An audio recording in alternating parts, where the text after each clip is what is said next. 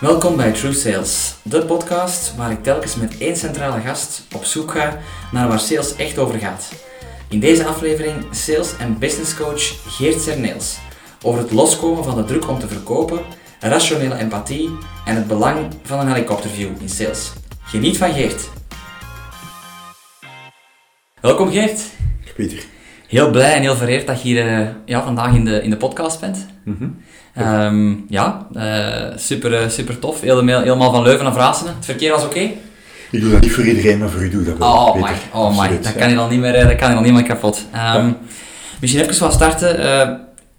ja, wat moeten wij nog weten over Geert Cerneels? Of wat moeten onze luisteraars weten over Geert Cerneels? Heel kort. Ja, ehm, ik, ik ben ervan overtuigd dat mensen meerdere talenten hebben of meerdere Mhm. vaardigheden.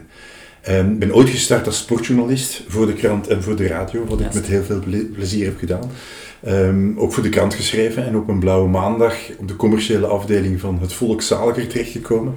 En daar eigenlijk mijn commerciële carrière uitgewerkt. Ehm, ja, en dat geleid heeft als commercieel directeur en algemeen directeur van Jobad, Jobad Media. Oké. Toen er tijd een hele zware concurrentiestrijd met vacature. Ja. Letterlijk en figuurlijk, Ja. competitief, het mes tussen de tanden. Dat zal wel. Ja. Maar als je vandaag ziet, die markt is volledig veranderd. Ehm, Het gaat over LinkedIn, het gaat over internationale jobboards. En ja, Jobad en vacature is nu één bedrijf Mhm, geworden, om je maar te zeggen dat die kunnen veranderen. En nadien heb ik ook nog anderhalf jaar met Noël Slangen kunnen samenwerken als partner van zijn strategisch communicatiebureau Groep C. Ik heb ook voor Ogilvy gewerkt, een vrij groot reclamebureau, als partner voor heel het luik interne communicatie. En ondertussen al een jaar of 15 ehm, case by case, mijn Mhm. eigen organisatie, waar ik commerciële trajecten doe, leiderschapstrajecten doe, Ja. rechtstreeks of ook in onderaanneming voor bepaalde bedrijven. Oké, top. Wat vind jij zo leuk aan sales? Ehm, dat heeft te maken met communicatie. Mhm. En, en de passie heeft te maken voor een stuk omdat sales eigenlijk gaat over communicatie. Ja. Dat gaat over beïnvloeding, dat gaat over luisteren, dat gaat over op dezelfde golflengte komen. Ik vergelijk dat altijd met radio. Eh, Je weet dat als uw klant op Studio Brussel zit en jij zit op Radio 1, dat is al een twee dezelfde, eh, bij wijze van spreken dezelfde groep. Mhm. Maar uiteindelijk is het een ander soort van muziek en dan is het natuurlijk belangrijk om in sales op diezelfde golflengte zien te komen. Ja. En dat vind ik eigenlijk ongelooflijk boeiend aan sales. Oké, cool. Is dat ook de reden dat je dan in dat, in dat coaching vooral, in dat mentoring vooral verder bent gegaan? Omdat je dan ook ja, dat op, op, op golflengte brengen van elkaar, van een stukje de klant waar het dan de sales voor verantwoordelijk is en jij dan de sales kan begeleiden. Is dat ook de reden dat je in die coaching bent gegaan of had er nog andere drijfveren voor dat- jou om dat te gaan doen? Ja, dat is zeker een vast eh, een, een reden. Ik werk graag met mensen. Ja, ik geef graag mijn, mijn kennis en er- ervaring. Ik, ik, ik pull graag, maar ik push ook af en toe graag Ja. met mensen Ja. om de baan op te gaan. Maar daarnaast uiteindelijk ook om mensen sterker te maken. Dat is ook iets wat ik heel graag doe. En als je dan voor een stuk vanuit je ervaring, maar ook vanuit een stuk beleving, vanuit een passie, met mensen dat kunt eh, ja, gaan vastpakken en daar heel concreet mee aan de slag gaan, dan vind ik dat op zich wel heel leuk om te doen. Ja. Eh, anderzijds eh, had ik ook zo het idee op een gegeven moment van ik wil mijn eigen organisatie hebben met case by case. Mhm. Ehm, en ja, dan, dan, dan, dan zoek je toch wel een aantal dingen, want elke dag hetzelfde doen, Ja. eh, dat zou letterlijk en figuurlijk doden. Ja. Dus ik hou toch wel van die afwisseling in hetgeen wat ik doe. Is het nu met een opleiding, is het een business coaching, is het een field coaching op Mhm. commercieel vlak? Dus die diversiteit is wel heel belangrijk voor mij. Oké, oké, dat snap ik wel. Is er iets wat je nog wil doen? Dat je zegt, je doet het nu 15 jaar. eh, dat je zegt van, dat zou ik nog heel graag een keer doen qua type traject, of qua type klant, of qua type mensen dat je wilt begeleiden? Eh, een goede vraag. Ehm, ik denk, hetgeen wat ik vandaag doe, doe ik met heel veel Mhm. enthousiasme. Ik haal er energie uit. Ehm, ben, ben vorige, ja, twee weken geleden ondertussen twee keer in 29 geworden. Dus dan probeer je natuurlijk wel die dingen te doen die jou energie geven. Ja, Als er ooit een trein passeert, en dat is een schone trein, een inhoudelijke trein, en ik kan aan de locomotief plaatsnemen om aan het stuur te zitten, wat dat ook mag zijn, misschien dat dat nog wel boeiend zou kunnen zijn om dat dingen te doen. Maar ik kijk ook wat dat betreft niet te ver vooruit. ja, Ehm, en dat is ook in mijn business zo. Eh, wat er najaar 2024 zal gebeuren, I don't know. Mm. Maar de komende twee, drie maanden zijn zeer goed gevuld. En dat vult zich altijd, houd vasthouden, zou zeggen, om van daaruit te gaan werken. Oké, Ja. zalig. Ehm, iets waar ik met jou vandaag een keer wou op inzoomen is, eh, je weet de podcast True Sales. Ja. Een keer door de heen, doorheen de salestechniek gaan kijken op zoek naar waar de sales echt over gaat. Ehm, ik herinner mij ook de coaching dat ik van jou heb gekregen, tussen al een aantal jaar geleden. Hm. En iets dat mij toen enorm was bijgebleven, is dat je toen zei van, Pieter, je moet eigenlijk stoppen met verkopen. Ehm, en ik, dat moest toen een keer binnencijpelen bij mij van, wat bedoelt de Geert daar nu eigenlijk mee? Ik moet stoppen met verkopen. En dat vond ik wel een leuke misschien om nog eens, nog eens aan te kaarten vandaag ook van, ja, wat bedoel je daar nu eigenlijk concreet mee? Van soms dat je ziet bij sales dat ze misschien te veel aan het verkopen zijn. En dat ze soms moeten ontleren om te verkopen. Kun je dat nog eens toelichten? Ja, allee, stoppen met verkopen. Natuurlijk moeten we verkopen, dat spreekt Ja. voor zich. Maar je merkt toch wel dat heel veel mensen altijd starten vanuit wie dat ik ben, Mm. mijn dienst, mijn product. En die focus is daar ook op. En Ja. dat, dat zorgt er natuurlijk voor dat op een gegeven moment dat, dat mensen eigenlijk met zichzelf bezig zijn. Mhm. En onvoldoende met klanten bezig zijn om te gaan luisteren. Ja. We gaan het er denk ik hopelijk vandaag ook nog over hebben. Ja. Om een keer een helikopter te nemen, Ja. om een stuk die rationele empathie te hebben. Mhm. Maar dat betekent dat je op een gegeven moment te veel met je eigen product bezig bent en te veel focus in heel het verhaal. Dat zorgt voor een, voor een, voor een moeilijkheid om, Ja. om, om, om, ja, ik ga niet zeggen over geloofwaardigheid, maar om die connectie te maken met de klant. Tweede punt, eh, stoppen met verkopen heeft ook soms te maken met salesdruk. Ja. Eh, wat bedoel ik daarmee? Als je op een gegeven moment zodanig onder druk van de cijfers, objectieven, Mhm. en die moeten er zijn, dat dat heel duidelijk zijn, ja, dat mensen het gevoel hebben van, oei, ik moet hier buiten gaan, want als ik hier buiten kom en ik heb niks concreet in mijn handen, of ik heb geen bon, of ik heb geen order, Ja. dan is het niet goed. Ja, dan ben ik er ook van overtuigd dat dat ook een negatieve impact gaat hebben Mhm. op, noem het dan, de samenwerking, de synergie die je probeert op te bouwen met je prospect, met je klant. En dat is natuurlijk een hele belangrijke. Ik heb ervaren, ook vanuit coachings, maar ook vanuit, eh, ja, ook zelf als commercieel directeur te werken, als je op een gegeven moment mensen onder druk gaat zetten om te gaan verkopen, Mhm. te moeten verkopen, om Ja. een specifiek resultaat te gaan halen, ja, dan wordt het heel moeilijk, want als het water dan hier Mhm. staat, ja, ik moet verkopen, dan komt dat water hier en dan verdrinkt het. En dat is Absoluut. natuurlijk niet oké. En dan merkt ook soms dat je misschien bepaalde deals gaat doen of zo als sales, die misschien niet volledig ook niet ja, een deal zijn die bij de organisatie past. Hè, dat sales zich een beetje gaan, ehm, ja, misschien dingen gaan doen die ze anders niet zouden doen. En dan voel je dat die druk soms te hoog wordt, wat je zegt. Hè. Ja, of men, of men gaat, eh, ik noem het altijd, op zijn Clintons werken, de broek naar beneden doen, om, om uiteindelijk heel veel eh, toegevingen te gaan Ja, doen, korting altijd overleggen, geven of- ja. hebben we spreken met, met, met, met de directie. En dat op een gegeven moment dat dan wel binnenkomt. En ja, dat is niet goed, één voor het imago van het bedrijf, maar ook voor je eigen imago. Ik zeg Ja. altijd, in sales moet ook af en toe een keer nee kunnen zeggen. Maar natuurlijk, als een druk van de cijfers er is, een druk om te moeten verkopen, ja, dan, dan ga je op een gegeven moment toch wel met je gezicht tegen de muur lopen. Dat is niet oké. nee, nee. Geef je dan ook advies aan de bedrijven die dan die sales aansturen? Je sprak over die targets. Hè. Ja. Geef je daar ook advies aan in soms in mee van eh, pas toch op met die targets te hard te zetten en, en kun je daar een keer een voorbeeld van geven dat je ooit misschien naar een bedrijf toe die zegt van gasten, jullie zijn misschien wel iets te hard nu aan het duwen bij die sales. Het is iemand die nog zijn weg moet stukje moet vinden. Hoe, hoe zouden we dat dan aanpakken richting een organisatie? Nu, nu één, objectieven moeten er zijn. Maar als Absoluut. je bij wijze van spreken jaar 1, jaar 2, eh, double digit, eh, Mm. 10, 15, 20 procent groeit, Ja, ja, is het dan soms objectief en realistisch om jaar 3 eh, daar plotseling plus 20 procent gaan opzetten. ja, Omdat ik dan op een gegeven moment merk dat eh, een objectief eh, demotiverend kan werken. ja, Want dat is natuurlijk salesmensen in hun hoofd, en ik zeg niet dat het correct is, maar in hun hoofd zitten van oei, dat cijfer, dat objectief is te hoog, ja, dan gaat dat druk geven bij mensen. Mm. En dan zou het wel een keer kunnen geven dat mensen letterlijk en figuurlijk kraken onder de druk, of op een gegeven moment zeggen, zal u in de kost, ik ben weg, ik ga ergens iets anders doen.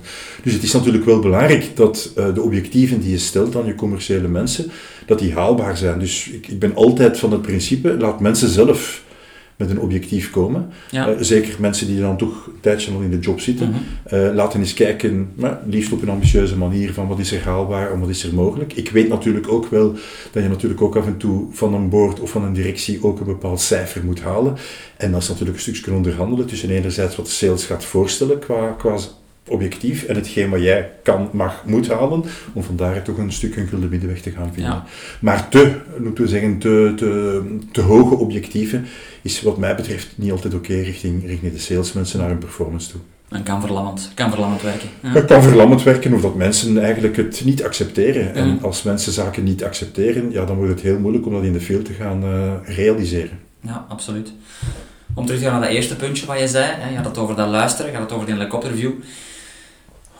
Actief luisteren wordt wel veel gezegd in sales, superbelangrijk. Aan wat merkte jij, ook als je meegaat met sales in een soort van uh, ja, observatiegesprek noemt dat dan zeker, aan wat merkte jij vaak dat de sales bijvoorbeeld niet, niet actief genoeg aan het luisteren is en misschien te veel in zijn eigen hoofd aan het zitten is? Ik, ik, daar een heel concreet voorbeeldje Okay. aan geven. Een, een week of twee geleden was ik een fieldcoaching aan het doen van iemand die um, ja, in de retail, mm. naar de retailers gaat, met, een, met een aantrekkelijk aanbod van, van producten.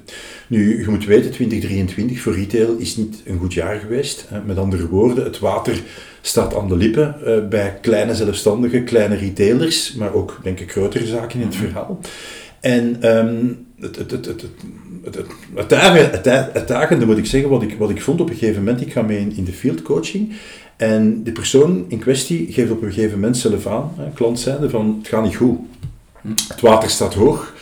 Uh, om nieuwe producten, diensten aan te kopen, zitten we met een beperkt budget, waar we elke maand moeten rekening mee houden in het geven wat wij aan onze leveranciers kunnen en willen besteden. Mm -hmm. Ik zie die sales wel ja, ja, ja, ja zeggen, en die zegt ook letterlijk ja, ja, ja, ja. En dan zit hij op een gegeven moment, weet je wat ik voorkom? Ik wil u eigenlijk graag de nieuwe promoties eens willen toelichten voor 2024. Ja. En dan zeg ik op een gegeven moment, je zegt dan wel ja, ja, ja, ja. Ik weet wel dat je het misschien moeilijk hebt, maar het begrip tonen was er eigenlijk niet bij. En je merkte zodanig in dat gesprek dat op dat moment die sales zodanig zijn focus had op zijn promoties, de acties die moeten voorgesteld worden richting 2024 en waar ik begrip voor heb. Ja. Maar anderzijds, door zodanig te ageren en te reageren, zei dat ook aan die klant, aan die, klant. aan die retailer, aan die winkelier, dat je zegt van, allee, business as usual, wordt geen rekening gehouden met wie dat ik ben en letterlijk en figuurlijk de deuren gingen dicht. Ja, ja. Ja, super interessant voorbeeld en, en spot on. Is dat dan ook gelinkt aan die rationeel empathie stukje, dat op dat moment die persoon te weinig empathisch was en te weinig eerst echt een gepolsen, oké, okay, en hoe, hoe zit de situatie juist en, en is dat dat verhaal ook een stukje ja, van dat te is weinig deel van het verhaal. Ja. En ik denk dat wat, wat de uitdaging vandaag voor heel veel salesmensen is, ik noem dat een helikopter nemen. Ja. Uh, mensen gaan binnen, en met alle respect van, ik heb een product, een dienst aan te bieden, Mhm. en ik wil dat doen, ik heb een afspraak bekomen, en ik wil heel graag daarover vertellen. Ja. Met heel veel passie, enthousiasme, en dat is geweldig, dat is top. Maar daar is een periode of een stuk dat daarvoor ontbreekt. En wat bedoel ik daarmee? Is die een helikopter nemen om effectief in die schoenen te gaan staan van die klant, van die prospect, om een stuk, hè, ik zeg het altijd, de pain, de gain en de fear, Mhm. waar dat die mensen van wakker liggen, wat die mensen hun ambities zijn, hoe dat die vandaag dingen ervaren, hoe dat ze naar de toekomst kijken, Ja. welke moeilijkheden die ze vandaag meemaken, is het in een winkelpunt of is het bij wijze van spreken als, als klant zijnde op zich. En daar toch ook wel mee bezig zijn. Wat bedoel ik daarmee? Actief luisteren is voor mij dan inderdaad dingen te gaan noteren. Ja, ja. Eh, met uw eigen woorden van, ah, hoor ik je zeggen, Peter, dat je dat en dat en dat zegt. Heb ik dan goed begrepen dat je dat en dat bedoelt? En zeg eens, je zegt dat, waarom zeg je dat? Ja. Dan zetten we met andere woorden, dat is een veelbekende term in communicatie, LSD aan het toepassen. Eh, luisteren, samenvatten en doorvragen. En daar merk je aan of commerciële mensen effectief die rationele empathie hebben om in de schoenen te gaan staan van, van die klant en van die prospect. Ik spreek over rationele empathie, omdat ik het nog altijd wel belangrijk vind dat mensen ehm, inderdaad zich kunnen inleven, maar niet emotioneel Nee, nee. betrokken worden. Ja. Want als je natuurlijk de emotionele empathie, en dan eh, kan ik het hoekje gaan tonen, dat is op zich niet goed voor een sales, want Nee. ik vind uiteindelijk ook wel, ja, je bent er op professionele redenen. Ja, het is natuurlijk ook in het geval van die retailer, die kleine winkelier, om je kunnen in te leven, maar gaat die mensen het probleem niet oplossen. Nee. Je gaat er wel oog en oog voor hebben. Je gaat er voor een stuk ook bewust van zijn van, oei, die klant of die prospect zit met dit en dit verhaal. Ja. En hoe ga ik daarmee omgaan? En dat gaat u ook in een andere mindset brengen, om dan op dat moment eh, op zoek te gaan naar diezelfde golflengte met, Ja. die, met die klant. Dat is die balans ook zoeken, denk ik, tussen... Ja, je zit, je zit daar natuurlijk in een commercieel verhaal. Die retailer die weet ook dat je in principe misschien producten komt voorstellen. Ik denk dat dat misschien in een, in een productenbusiness nog meer is dan in een dienstenbusiness. Hoewel, in diensten gaat het ook over van... Je mocht een keer op gesprek komen, dus je komt iets voorstellen. Ik denk dat dat een balans zoeken is tussen genoeg empathisch zijn, anderzijds ook wel professioneel genoeg en dat rationele van, je zit daar nog altijd wel om probeer deze een business te helpen. Hè? En deze een business vooruit te laten gaan en je hoopt dat je producten of diensten daar ergens kunnen toe bijdragen. Hè? Absoluut. Eh, maar gewoon je, je brochure op tafel leggen en zeggen van dit zijn onze promoties, terwijl hij net heeft verteld dat mij eigenlijk in de problemen zit. Ik denk zelfs nog een stap ervoor. Eigenlijk had, had volgens jou die een sales al, was die genoeg mee in de huidige retail context en wist hij goed genoeg dat hij, dat hij de retail problemen had, denk je? Had hij zich een beetje genoeg voorbereid en, en dat wel volgens jou? Ja, maar dat. Is, dat is geen evidente natuurlijk. Nee. Hè. Iemand zou dat inderdaad wel moeten om, noem het dan een bredere context te gaan weten. Eh, en, en dan, ik spreek altijd van die VUCA-wereld waar Mm. we vandaag in, in leven. Een wereld die heel volatiel is, die Ja. onzeker is, die complex is en ambigu is. Ja, als sales moet je eigenlijk ook een VUCA-antwoord bieden. Ja, En wat betekent dat? Dat VUCA antwoord, dat je als sales een visie hebt, eh, waar ga ik eh, samen met mijn bedrijf naartoe?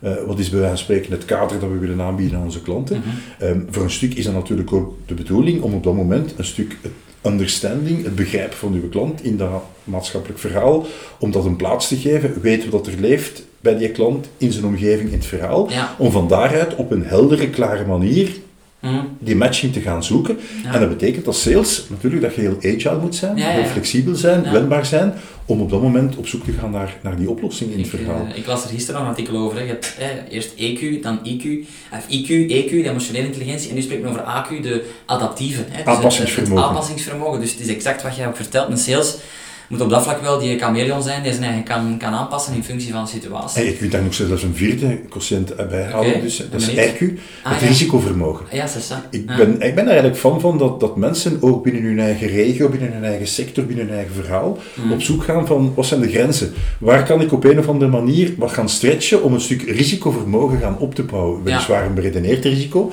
maar voor een stuk ook een keer, noem het dan out of the box, maar eens op Mm. zoek te gaan naar andere approaches aanpakken om, om voor een stuk met de klant samen gaan mee te denken, maar ook intern gaan mee te denken, Ja. om klanten op een of andere manier proactief ehm, inzichten te geven en Ja. om daaruit te gaan werken. Dat vind ik op zich eigenlijk ook wel een boeiende. Oké. En hebben we daar bepaalde voorbeelden van, dat je zo gezien hebt of zelf al toegepast hebt, zo, eh, op dat vlak? Eh, ja, allee, ik denk dat het altijd belangrijk is als je op een gegeven moment in gesprek bent met iemand, dat je ook, ehm, moet ik zeggen, de, de, de, de, frame Mm. van, van je klant wat, wat, wat ruimer probeert te geven. Omdat ik ook merk, hè, in het geval van die winkelier, als die vandaag bij wijze van spreken op, letterlijk en figuurlijk op de rookzaad zit en op een gegeven moment merkt van oei, ik kan hier geen uitgaven doen. Als je dan op dat moment kunt zeggen van hé, hey, laat ons een keer gaan focussen, hoe kunnen we de selling-out gaan, gaan, gaan aanpassen?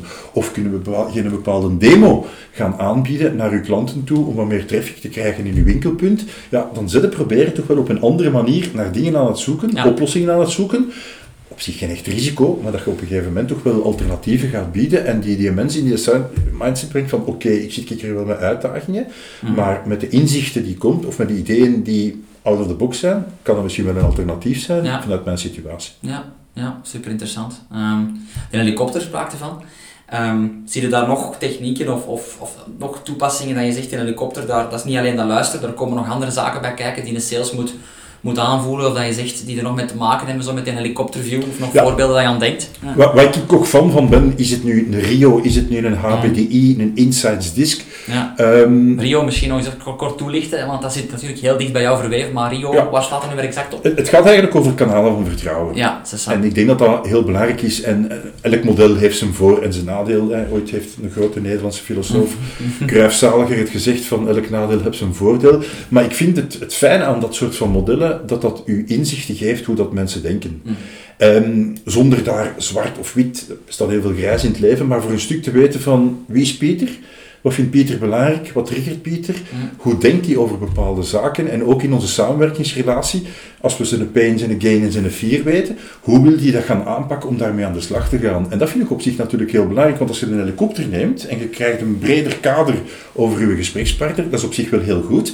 Maar dan is het natuurlijk op een gegeven moment moeten terug landen. Mm. En dan is het natuurlijk op zoek gaan naar dat kanaal van vertrouwen. Ja. Is dat eerder iemand relationeel? Is dat eerder iemand informatief? Is dat eerder iemand die zegt van kijk, ik ben op zoek naar een oplossing? En daar zijn wel een aantal principes toe om van daaruit te gaan werken.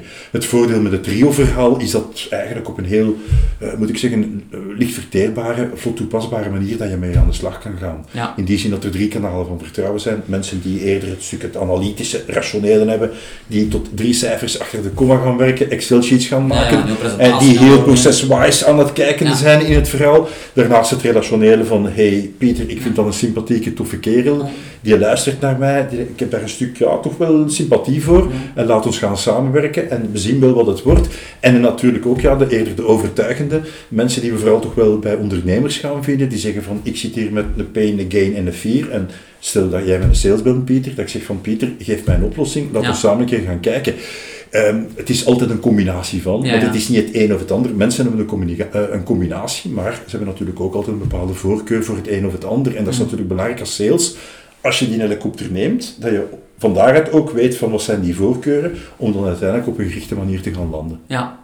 Wanneer geloof jij als sales dat je daar al rekening moet gaan houden? Moet je dat al voor een eerste gesprek gaan doen Je bijvoorbeeld? kan dat, absoluut. Ja. Ik denk dat er vandaag, eh, ik, ik kom nog uit een tijd van de fichebakken en, en de witte en de, ga- en, en de gele gids bij wijze van spreken, maar vandaag zitten we met zoveel tools, zoveel mogelijkheden en I love it. Als we kijken via LinkedIn, kan je perfect op voorhand al weten van wie of wat is dit profiel. Dat heeft ook te maken met een stuk opleiding, hoe dat hij zijn LinkedIn profiel Ja. gaat, gaat gaan opvullen. Je kan uiteindelijk ook een Google gaan doen, om een keer te gaan kijken wat en hoe. Dus er zijn heel veel mogelijkheden om op voorhand te gaan kijken wie of wat de persoon is. Maar ook in een mailverkeer eh, kan je perfect ook gaan, op een gegeven moment gaan aangeven, oké, dat is eerder iemand informatief. Als iemand op een heel formele manier uh, zegt, geachte heer Cerneels, aansluitend op ons gesprek van die en dag, zijn dit de punten die ik met u wil bespreken met een agenda en een timing, ja, dan gaat dat eerder iemand informatief zijn dan iemand die zegt van, hey Geert, volgende week dinsdag hebben we een meeting, ik kijk er naar uit, ik wens je nog een heel fijne dag, groeten, uh, Peter of Pieter of whatever.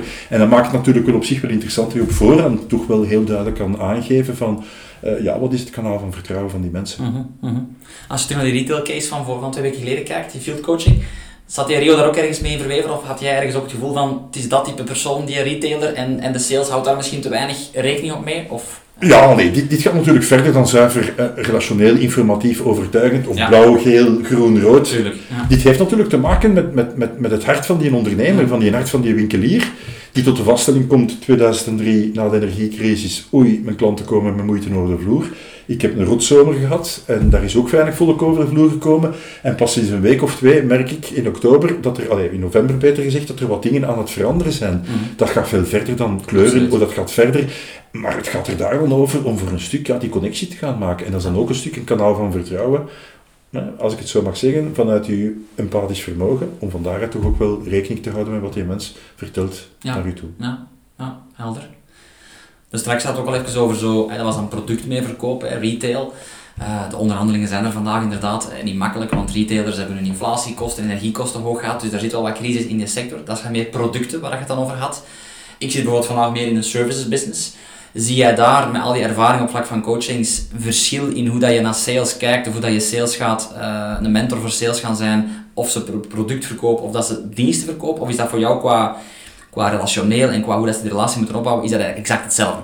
Het is niet copy-paste. Mm. Laat ons zeggen dat de rode draad van die helikopter nemen, die rode draad van de kanalen van vertrouwen proberen te scannen en op dezelfde golflengte komen, Mhm. dat is voor mij hetzelfde. Um, en daar ben ik heel duidelijk van overtuigd dat het hetzelfde is, wat natuurlijk wel een, een aandachtspunt is. Als je een service gaat verkopen, um, ja, de invulling, de aanpak is natuurlijk op een gegeven moment wel misschien wel wat anders. Ja. Omdat natuurlijk een klant met een bepaalde issue zit, een bepaalde problematiek, waar een stuk, noem het dan inhoudelijk, noem het dan in technisch verhaal, waar dat er een oplossing moet gaan komen. Ja.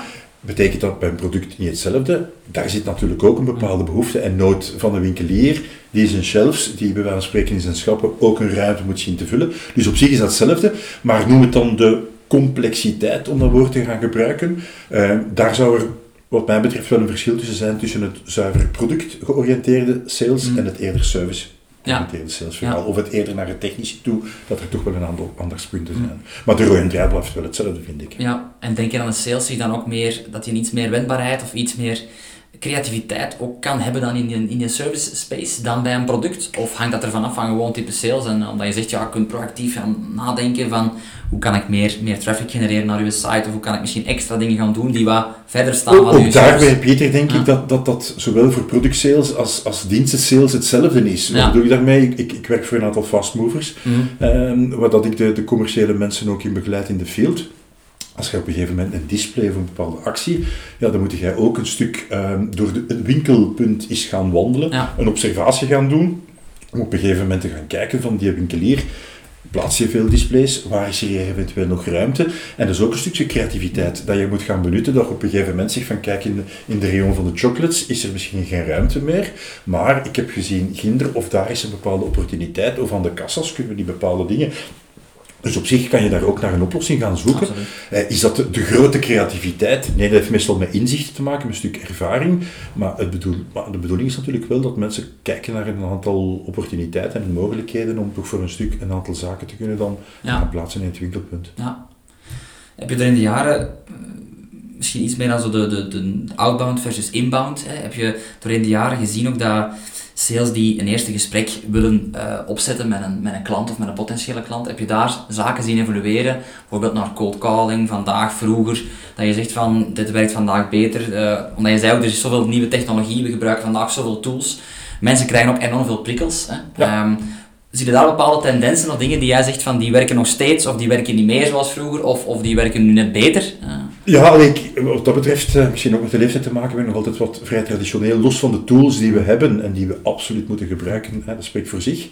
Ja, het gaat nog steeds over menselijke connectie. Mm. Um, ooit zei iemand, men kiest niet de tent, men kiest de vent. Uh, dus met andere woorden, ja, ik denk dat het belangrijk is om op een face-to-face, communicatieve manier Mm. ruimte en openheid te creëren. Ja. En dat begint natuurlijk met het maken van een afspraak. Uh, ik ben van, uh, bij wijze van spreken, om een telefoon te pakken, om te zeggen, meneer de klant, ik wil een keer luisteren naar u. Mhm. Ik wil eens weten wat je vandaag van wakker ligt, hoe dat je vandaag naar dat of naar dat Ja. En ik wil graag eens met u kennis maken om eens een gesprek te hebben om over dit en dit te gaan spreken. En dan merk ik dat dat toch wel nog steeds ehm, de bovenhand haalt. Ja. In plaats van is het eh, berichten, mails te gaan sturen in heel het verhaal. Omdat je ja, dat voor een stuk die verpersoonlijking. En Ja. dat vind ik op zich wel een hele belangrijke. En ik denk een tweede belangrijk aandachtspunt is probeer zoveel mogelijk te poelen. Eh, zeker in eerste contacten. Het gaat niet over u als sales. Het gaat over uw klant. Hm. En jij bent eigenlijk een middel, een manier om die klant een oplossing aan te Ja. bieden. Voor Ja. hetgeen wat er van wakker ligt, wat dat hem wil bereiken, wat dat zijn uitdagingen zijn. En dat maakt het net heel moeilijk. En dan komen we terug naar helemaal in het begin van deze podcast. Dan gaat het eigenlijk over communicatie en een stuk ehm, vanuit dat empathische vermogen dat je hebt om ja, samen met je klant naar een oplossing te gaan zoeken. Vond dat super boeiend, wat je net ook een beetje scripte, of je script in de telefoon, dat je zei ook van, ik wil eens naar u luisteren. Hè. Je zei nergens van, ik wil eens een keer iets vertellen, of ik wil eens een keer over mezelf praten, of over ons bedrijf. Je hebt dat nergens vernoemd. Het gaat echt specifiek over, ik ben geïnteresseerd in uw business, ben geïnteresseerd in de toekomst van uw business, en ik wil een keer luisteren naar u als persoon. Hè, want het gaat ook niet altijd over die business direct, die business komt erbij. Maar mensen hebben ook een stukje een, een ego, dus ze moeten ook een stukje voelen van, ah, die, die mens is, of die persoon is geïnteresseerd in mij. En liefst, en liefst oprecht En geïnteresseerd. liefst hè. oprecht en niet een, en niet een spelletje spelen of, eh, of een bepaalde façade opzetten. En, Dus, en eh, wat daar dan toch wel knap is, want ik begeleid, begeleid daar ook bedrijven in, in, in de financiële sector ook, maar ook in de dienstensector, dat mensen die een telefoon nemen en zo'n insteek hebben, ja, eh, ja, dat hun, dat hun eh, hitrate met 40% verhoogt. hè. absoluut. Ja. Dat ze dus als ze 10 calls doen, dat ze 5 tot 6 afspraken hebben. Mhm. Dat wat toch enorm is. En, en dat vind ik op zich wel een hele belangrijke om dat uitgangspunt te gaan. Want als je zegt van kijk, ik ben Geert en ik verkoop trainingen en ik doe coachings en ik doe dit en ik doe dat en ik ben de schoonste en ik ben de beste. Mhm. Ja, eerlijk gezegd, ik denk dat wat dat betreft dan, dat de deuren dan eerder wat dicht gaan blijven. Absoluut. Ehm, en ik geloof dat value geven ook super belangrijk is. Hè. Dat is die waarde geven. Ik zie dat zelf ook, hoe dat ik, eh, dat ik zelf ook nog een stuk outbound doe. Is dat ja, een cold email versus een keer een berichtje met een, met een videoboodschap, iets persoonlijk, iets origineel, waar je ook waarde in geeft. Niet gewoon van een tof filmpje van jezelf maken, maar ook echt waarde geven dat voor die persoon Absoluut. interessant is. En dan moet je natuurlijk, en dan kom ik misschien bij een punt, die sectorkennis, geloof ik toch wel als sales dat die sectorkennis ook wel belangrijk is. Dat je, op wel, je kunt op meerdere sectoren focussen, maar ik geloof wel dat je in de sectoren waar je op werkt, dat je daar toch ook wel een stuk één nieuwsgierigheid in moet hebben om bij te leren. En twee ook wel, je moet toch een basissectorkennis hebben. Hoe kijkt jij daarnaar? Nee, alleen ik denk, eh, nieuwsgierigheid is eh, van alle tijden, maar is zeker voor de sales heel belangrijk.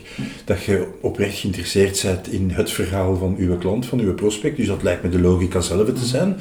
En als je daarnaast, bij wijze van spreken, de tijd elke dag leest en, en je, je hebt een trend, ja, dat je eigenlijk zijn al goed geïnformeerd. Los van het feit dat je, als je een afspraak hebt, een goede voorbereiding is 80% van succes. Als jij wat opzoekingswerk doet, we hebben het al over LinkedIn gehad, maar je kunt een keer naar de website gaan, je kunt eens gaan kijken, als je over duurzaamheid spreekt bijvoorbeeld, hoe profileert een bedrijf zich? Van daaruit kun je perfect een aantal inzichten gaan creëren die, die meerwaarde kunnen gaan brengen. En dan komen wij ook weer de link leggen, hè, die we daar straks hebben gedaan, van hoe kunnen we voor een stuk op een andere manier klanten gaan benaderen. Als je op een gegeven moment zegt van kijk meneer de klant, ik heb op uw website dit en dit en dit gezien.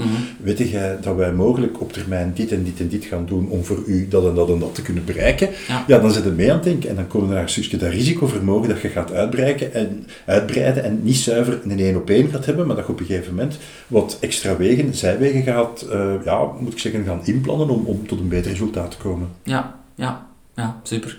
Ja, dan ben je echt continu die waarde aan het geven, interesse aan het tonen en daar geloof ik enorm hard in. Dus eh, sowieso ook als, als de, elke sales dat moet, dat moet, eh, dat moet doen. Ehm, En als je daar dan nog een Rio-saus of een Inside-saus of een HBD-saus kunt opkleven, Ja, dan, Ja. Is dat, dan is dat perfect. Hè? ja, ja, sowieso, sowieso. Ehm, Hoewel, perfectie hoeft het niet altijd. Ik vind, Het hoeft niet perfect te zijn. Nee, want dat is, dat is een goeie dat je dat zegt. Ik heb dat zelf ook eens ehm, gemerkt eigenlijk ook, dat je toch, ehm, en ik zie dat bij beginnende sales nu ook, en ik was zelf ook zo, dat je toch een bepaalde, en dat zal je ook zien in je coachings en je, in je field sessies, dat je toch een zekere, ja, een soort façade opzet voor jezelf, of een soort andere rol aan het aannemen bent, omdat je toch, ja, je wilt je wilt die sales zijn of je wilt een beetje die persoon zijn die je iets, die je iets komt vertellen, iets, iets waardevol heeft, maar eigenlijk moet je vooral gewoon jezelf zijn en authentiek zijn. Dat Ja. heb ik zelf ook, onder andere ook in onze sessies, ontdekt van, je moet eigenlijk geen rolletje komen spelen, want mensen zien dat. Absoluut, Eh, Peter. Ik denk dat je zelf moet zijn. Hè? Ik bedoel, iedereen heeft zijn sterktes, zijn aandachtspunten. Ja. Ehm, en ik denk dat je vanuit je authenticiteit, wie dat je bent, dat op zich wel heel sterk is. Maar dat neemt natuurlijk niet weg dat je af en toe wat kunt stretchen. Je moet jij niet iemand eh, een andere masker of een, een, een andere rol gaan opnemen. Maar dat je wel weet van, kijk, als ik iemand heel relationeel ben en ik zit ten opzichte van iemand die heel informatief is, ja, en ik, ga ik daar heel sterk gaan tutoyeren, ga ik daarop over eh, koetjes en kalfjes en de smalltalk gaan doen.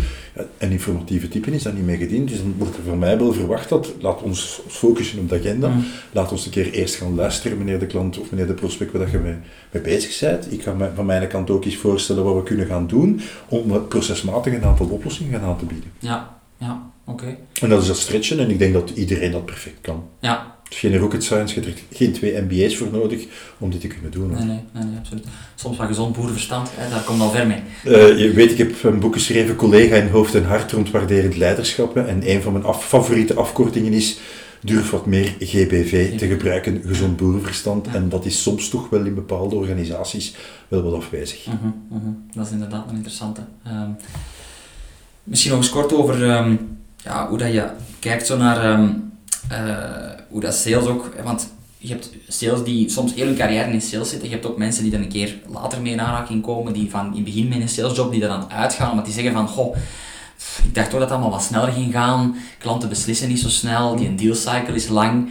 Ehm, heb je daar zo tips misschien eerder naar zo beginnende, of mensen die zo denken aan te starten in een salescarrière van, oké, weet wel van sales, dat, dat, dat is niet van vandaag op morgen. Heb je daar zo bepaalde inzichten, dat je zegt van tips van, ja, je moet wat geduld hebben, of je moet, je moet het ook leren kennen, het vak, of, of hoe kijkt je daar Ik naar? geef zelf al wat- wat goede tips natuurlijk. Ja. Pieter, ik denk dat het belangrijk is om, om je tijd te nemen. Mm. Tijd te nemen om die sector te leren kennen. Vind ik ook. Ja. tijd te nemen om met klanten om te gaan, om een goed kanaal van vertrouwen te gaan creëren.